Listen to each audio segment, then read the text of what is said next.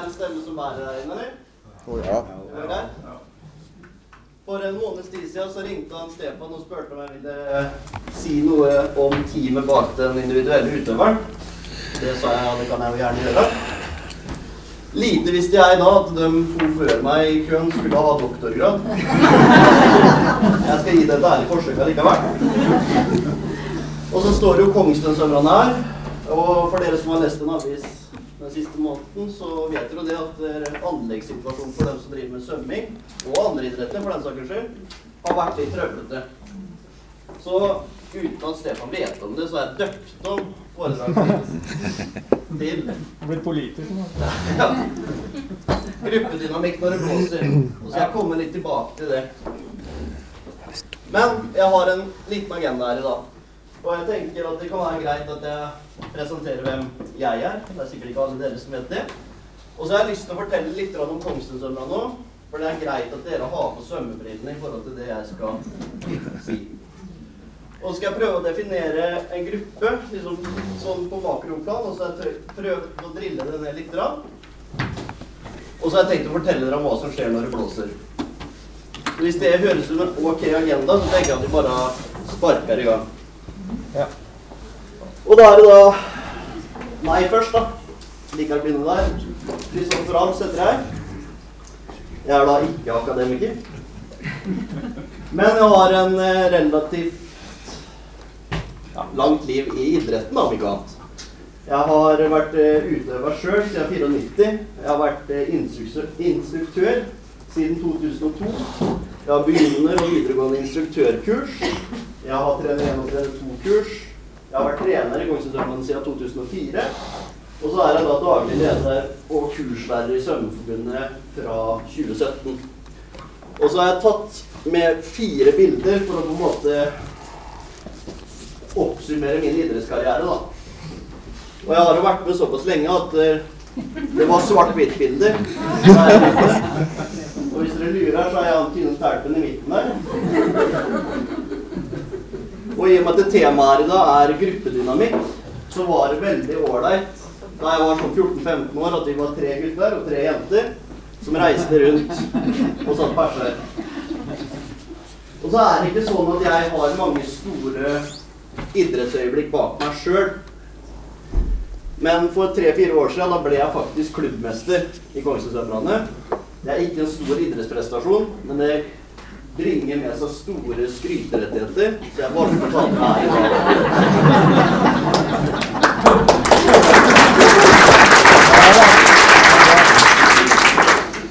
Og så er det sånn at når man har barn, så er det mange som har lyst til å bli brannmann, og noen som har lyst til å bli politi, og så er det noen som har lyst til å drive med svømming. Og jeg føler meg veldig privilegert da at jeg nå, 25 år etterpå, får lov til å drive med det her på fulltid. Jeg skal si det sånn at nå er det nok om meg. Mer om. Kongsvingsømrene ble stifta tilbake i 1928. Og nå skal jeg lese et lite utdrag som liksom var selve startskuddet. Nå skal jeg prøve å få det med litt sånn Filmavisen-uttrykk. Hvis intet uforutsett inntreffer, blir det søndag 19. klokken 5 på ettermiddagen avholdt propagandastevne for svømming og sykkelbaneritt ved Kongsten. Kongstendammen er renset, og der er oppsatt stupebrett. Dammen er vel tre meter dyp, og det er plass til 100 meters bane, da dammens lengde er over 100 meter. Det skjedde ikke noe uforutsett den dagen der. For kongsten dammerne ble en realitet. Og vi har en lang historie bak oss, som de fleste andre idrettsklubbene her inne har. Eh, under krigen så lå vi brakk, som de aller fleste andre gjorde. På begynnelsen av 70-tallet opplevde vi et voldsomt løft da vi fikk et eget anlegg. Vi fikk lov til å være med på å fostre opp en av de største idrettsbegivenhetene i Norge, i min bok i hvert fall, med Lene Jensen sitt sølv på slutten av 70-tallet. På 80- og 90-tallet så dro vi oss fram som en litt mer seriøs klubb og ansatte noen trenere, og vi begynte å arrangere litt større mesterskap og sånne ting. Og på slutten av 90-tallet, begynnelsen av 2000-tallet, var vi nede i en sportslig dal. Og det er ikke så rart, for da var jeg en av de beste utøverne.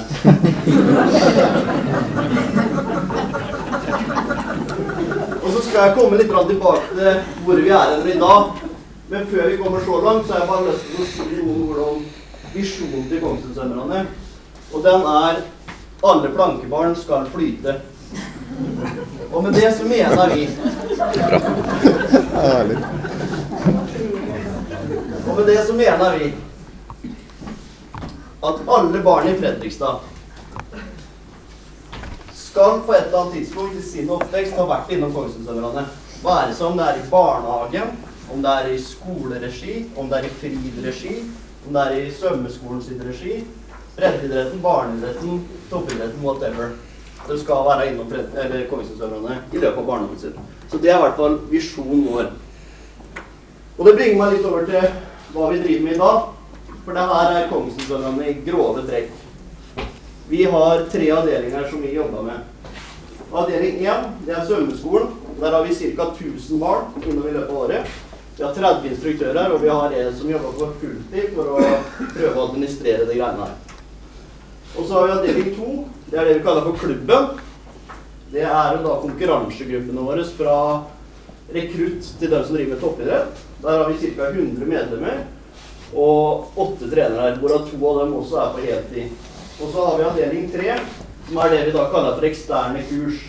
Og det er jo da ting som vi gjør for barnehage, for skoler, for FRID, for frivilligsentraler, og nå sist også Svøm Fredrikstad, som er et utrolig kult eh, prosjekt, som vi er sammen med Mona med annet. Der vi har tatt over svømmeundervisninga for fjerdeklassene i bare utvalgte skoler her i Fredrikstad. Og det håper jeg vi kan få fortsette med. Men for det her foredraget her sin skyld, så tenker jeg at jeg skal trekke fram klubben som, eh, som tema. Og grunnen til det er at det er den delen av virksomheten vår som på en måte krever mest tid og mest penger og mest ressurser. Og det er der folk er ja, jeg, skal si det litt klønete nå, men der er følelsen litt utafor kroppen. Det er fordi det blir investert så utrolig mye fra alle som er involvert der. I klubben så begynner du med tre økter i uka. Og så når du er på ditt øverste nivå, så har du ni svømmeøkter i uka pluss fire basisøkter i uka. Så det går med en god del tid i idretten her. Så derfor jeg velger å trekke fram det. Og så har jo gutta på første rad her allerede fortalt dere hva gruppedynamikk er. Jeg tenker jeg skal gi det et forsøk, jeg òg. Og jeg har jo bare saksa det direkte fra det store norske, jeg, da.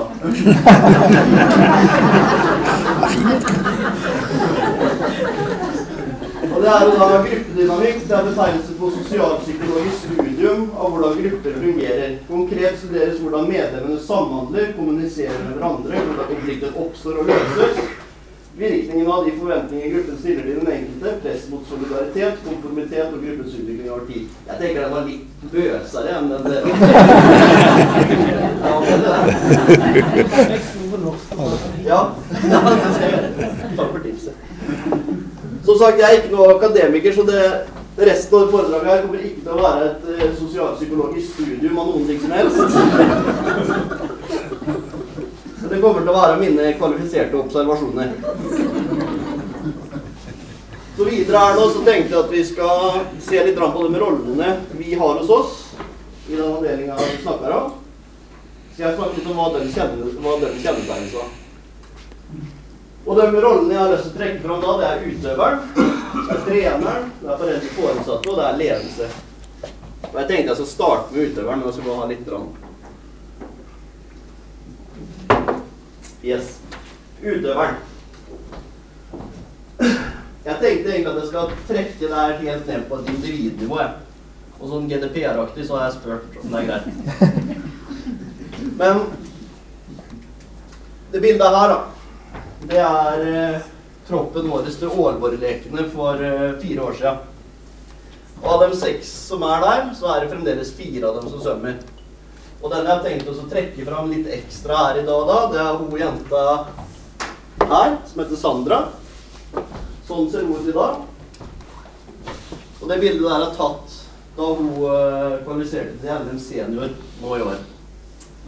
Sandra, Grunnen til at jeg trekker fram Sandra, da, er at eh, hun er en veldig dedikert jente. Veldig flink.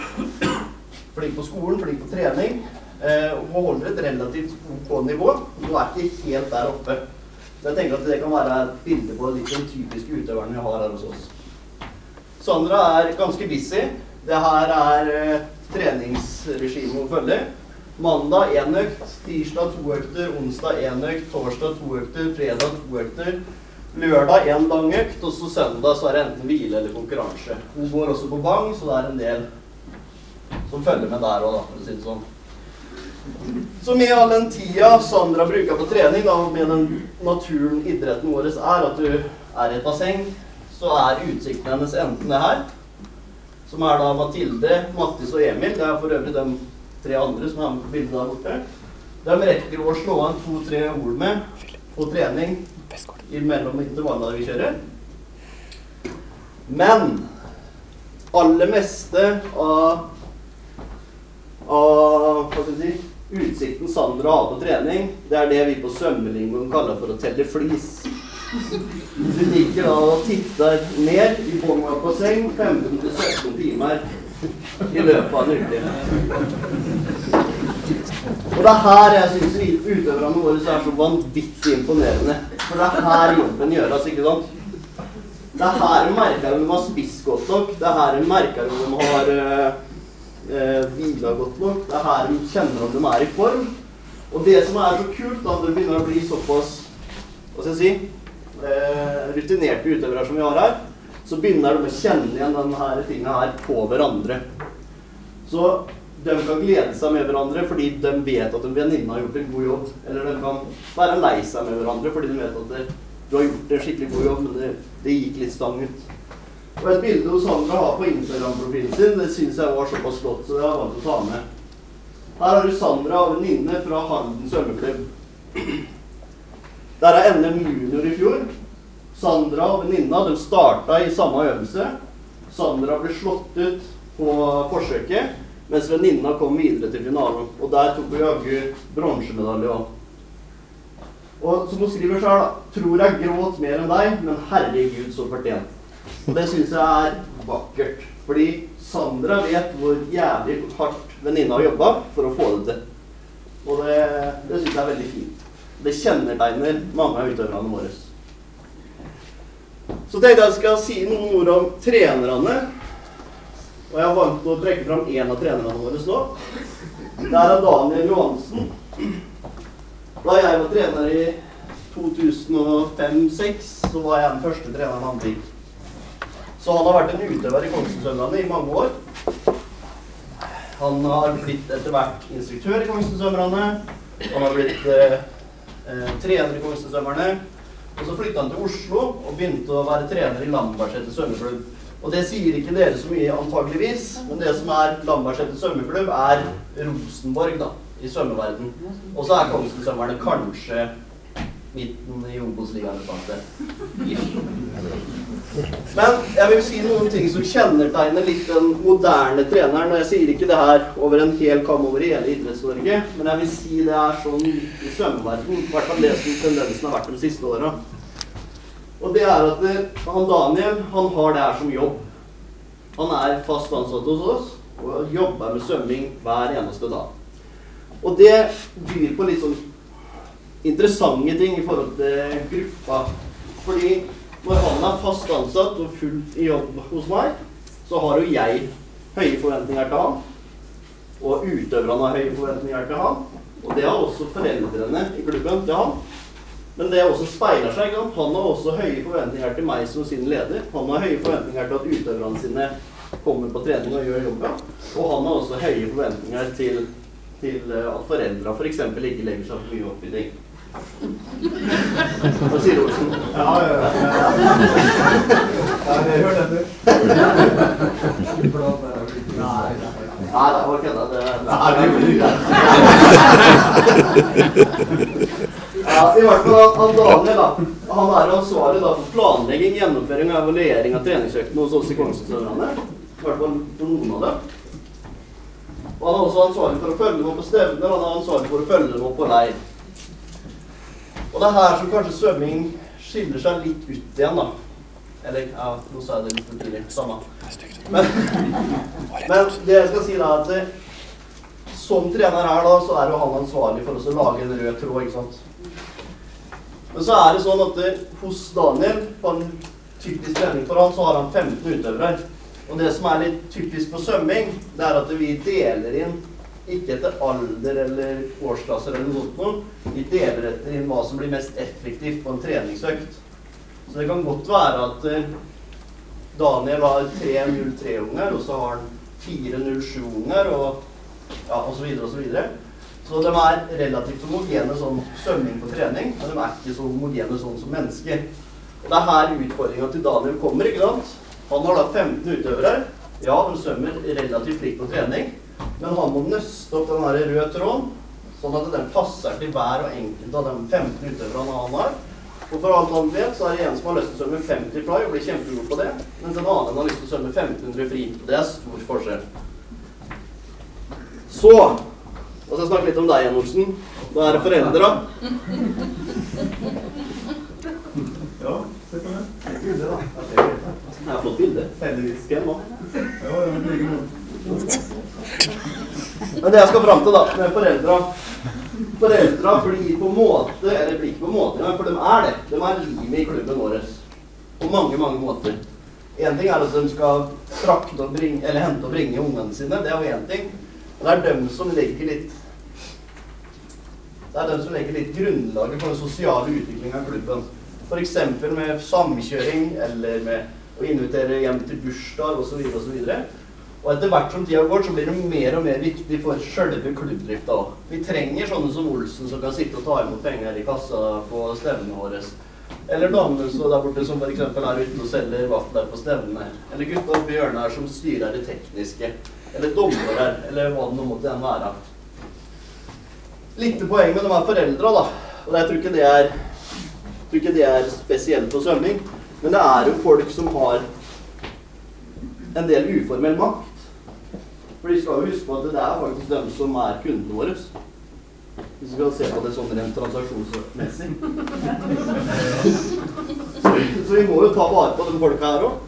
Og det håper jeg at vi klarer sånn noenlunde. Jo, dere er vakre. Ja. Pengene går til en god eh, sak. Skal jeg prøve å si noen ord om ledelse, og da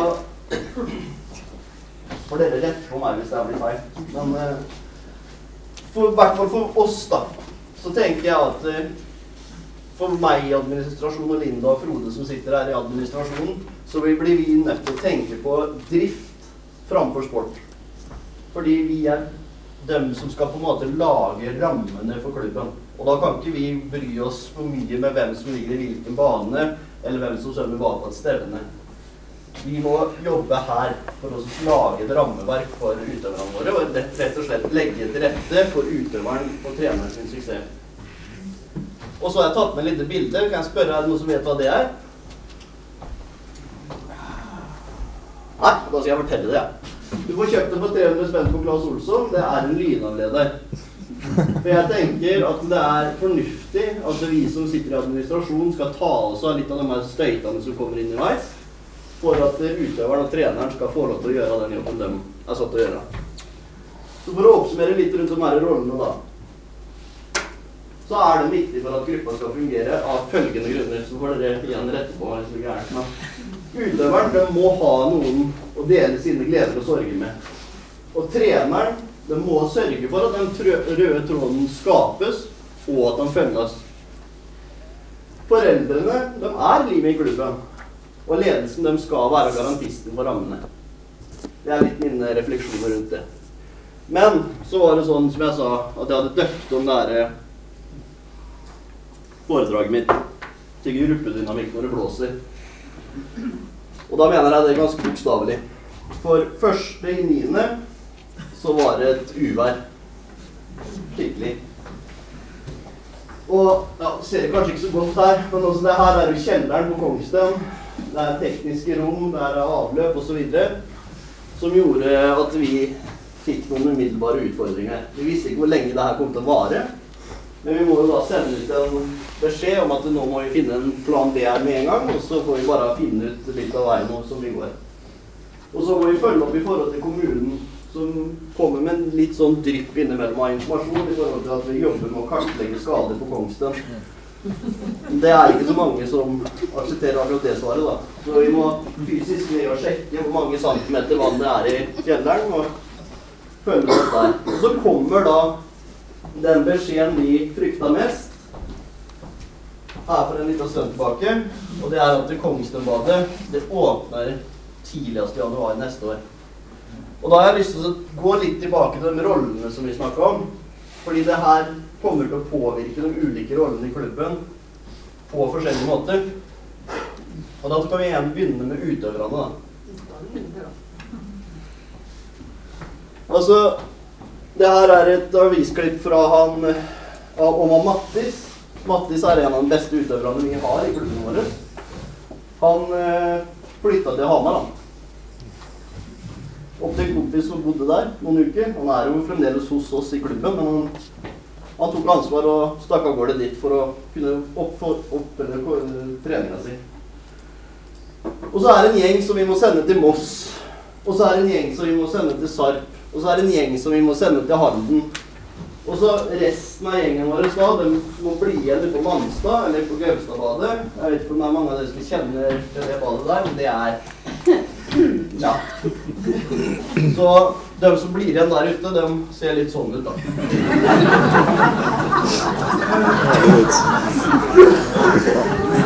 Litt å perse. Er helt optimale forhold. Det er ikke helt optimale forhold. Det er ikke det. Så er det da Skal vi se. Treneren. Åssen det de greiene her påvirker treneren, da? Treneren har jo laga seg en plan om hvordan denne sesongen her skal være. Hvis ting gikk som det hadde planlagt, så hadde han hatt trening i et anlegg fra 2017 og et fra 1980. Nå har han bare et fra 1980. Og Grunnen til at jeg nevner det her med 1980 og 2017, det er fordi at det, det har noe med kvaliteten på anlegget å gjøre. I 1980 så var det smalere baner. De bygde basseng med færre baner. Det er varmere der, det er varmere vann, det er dårligere luft. Og det har helt klart en påvirkning. På enkelte dager så kunne han hatt 11 baner tilgjengelig. Nå har han toppen 5. Hvis ting gikk som planlagt, kunne han ha fått utøverne sine til å svømme 100% av planlagte meter. Nå svømmer de 65. Hvis ting gikk som planlagt, så kunne alle økter gjennomføres. Avhengig av hvilket nivå du er på nå, så mister du 1-3 i uka. Men kanskje viktigst av alt, det har vært med tanke på temaet her, det er at hvis ting gikk som planlagt, så hadde vi hatt alle utøverne på samme lokasjon. Nå har vi dem på 4-5. Og det er klart at når du skal følge et sportslig opplegg, og den røde tråden her som vi snakket om, og du skal nøste opp litt sånn nå, så byr det på noen store utfordringer for trenerne våre. Og så er det foreldra, da.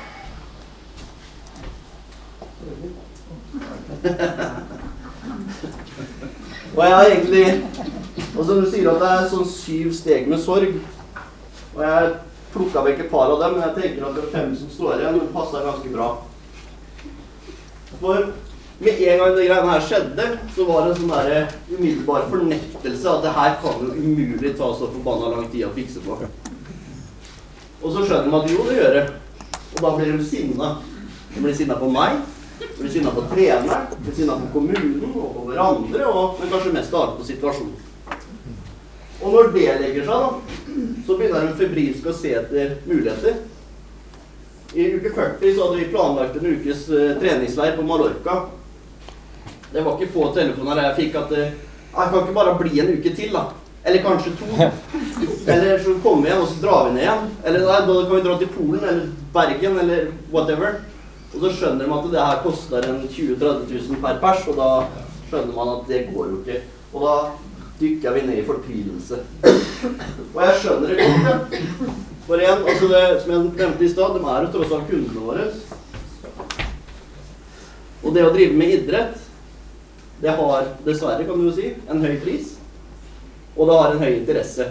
Høy pris det er at idretten koster mye, men det er høy interesse fordi det er tross alt ungene deres vi snakker om her. Så det skulle bare mangle at det var høy interesse. Og når den der fortvilelsen gir seg sånn noenlunde etter hvert, så blir det sånn at man, ja, okay, man begynner å akseptere at ting er som det er, og vi får ikke gjort så mye mer med det. Jeg ligger veldig godt an på tida. Har et kvarter. Ja, kvarter. Ja, Og så kan jeg si noen ord om oss i ledelsen, da. Og sånn som Frode og Linda og jeg kjenner, så er det akkurat som vi nå kjemper en kamp på fire fronter. Hvordan skal vi klare å møte utøverne våre sine behov for å satse den sportslig sånn som vi ønsker? da? Hvordan skal vi sørge for nå at vi har jobb nok til de trenerne vi har ansatt? Hvordan skal vi klare å møte forventningene til foreldrene når ja, Nå er det syv basseng i Fredrikstad, og tre av dem er stengt. Det er ganske mye.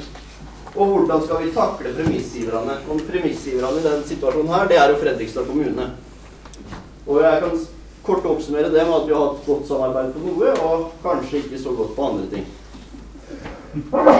Så i sum da, så er en sånn ting som det her, det er en ekstremt stor belastning på alle som er involvert. Og jeg, bare, jeg har sikkert hatt denne samtalen 100 ganger de siste ukene. En kompis av meg som ringer til meg og spør åssen det går på jobben om dagen. Og da kan jeg finne på å si, vet du hva, nå gleder jeg meg til jul. Ja vel, hva er det som skjer da?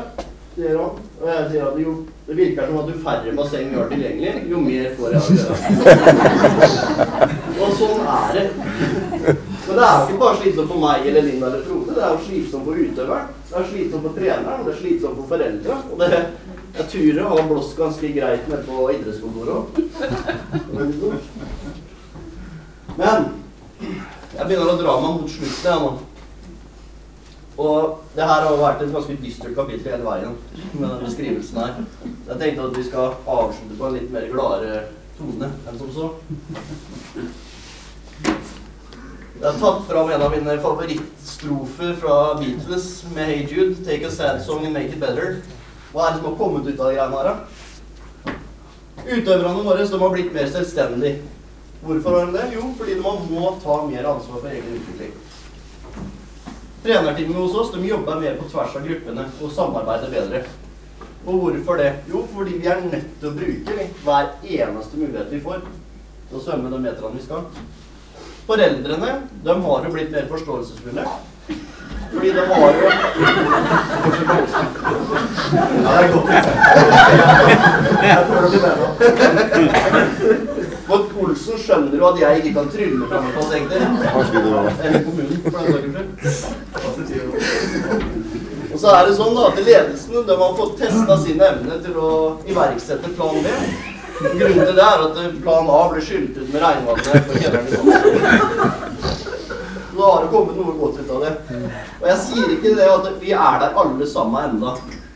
Men jeg tør å påstå at aktørene, eller rollene da, hos oss, de evner å se mer forbi de dårlige treningsforholdene vi har.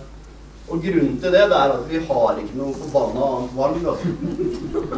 Og det tror jeg det er noe vi skal lære av, av den prosessen jeg har vært igjennom nå. Slutt å dvele ved de tingene du ikke får gjort noe med. Og heller eh, konsentrere om det du kan få gjort noe med. Og jeg er helt sikker på at den gjengen her de skal komme seg ut av en kjip situasjon sammen og som en gruppe. Så takk for meg.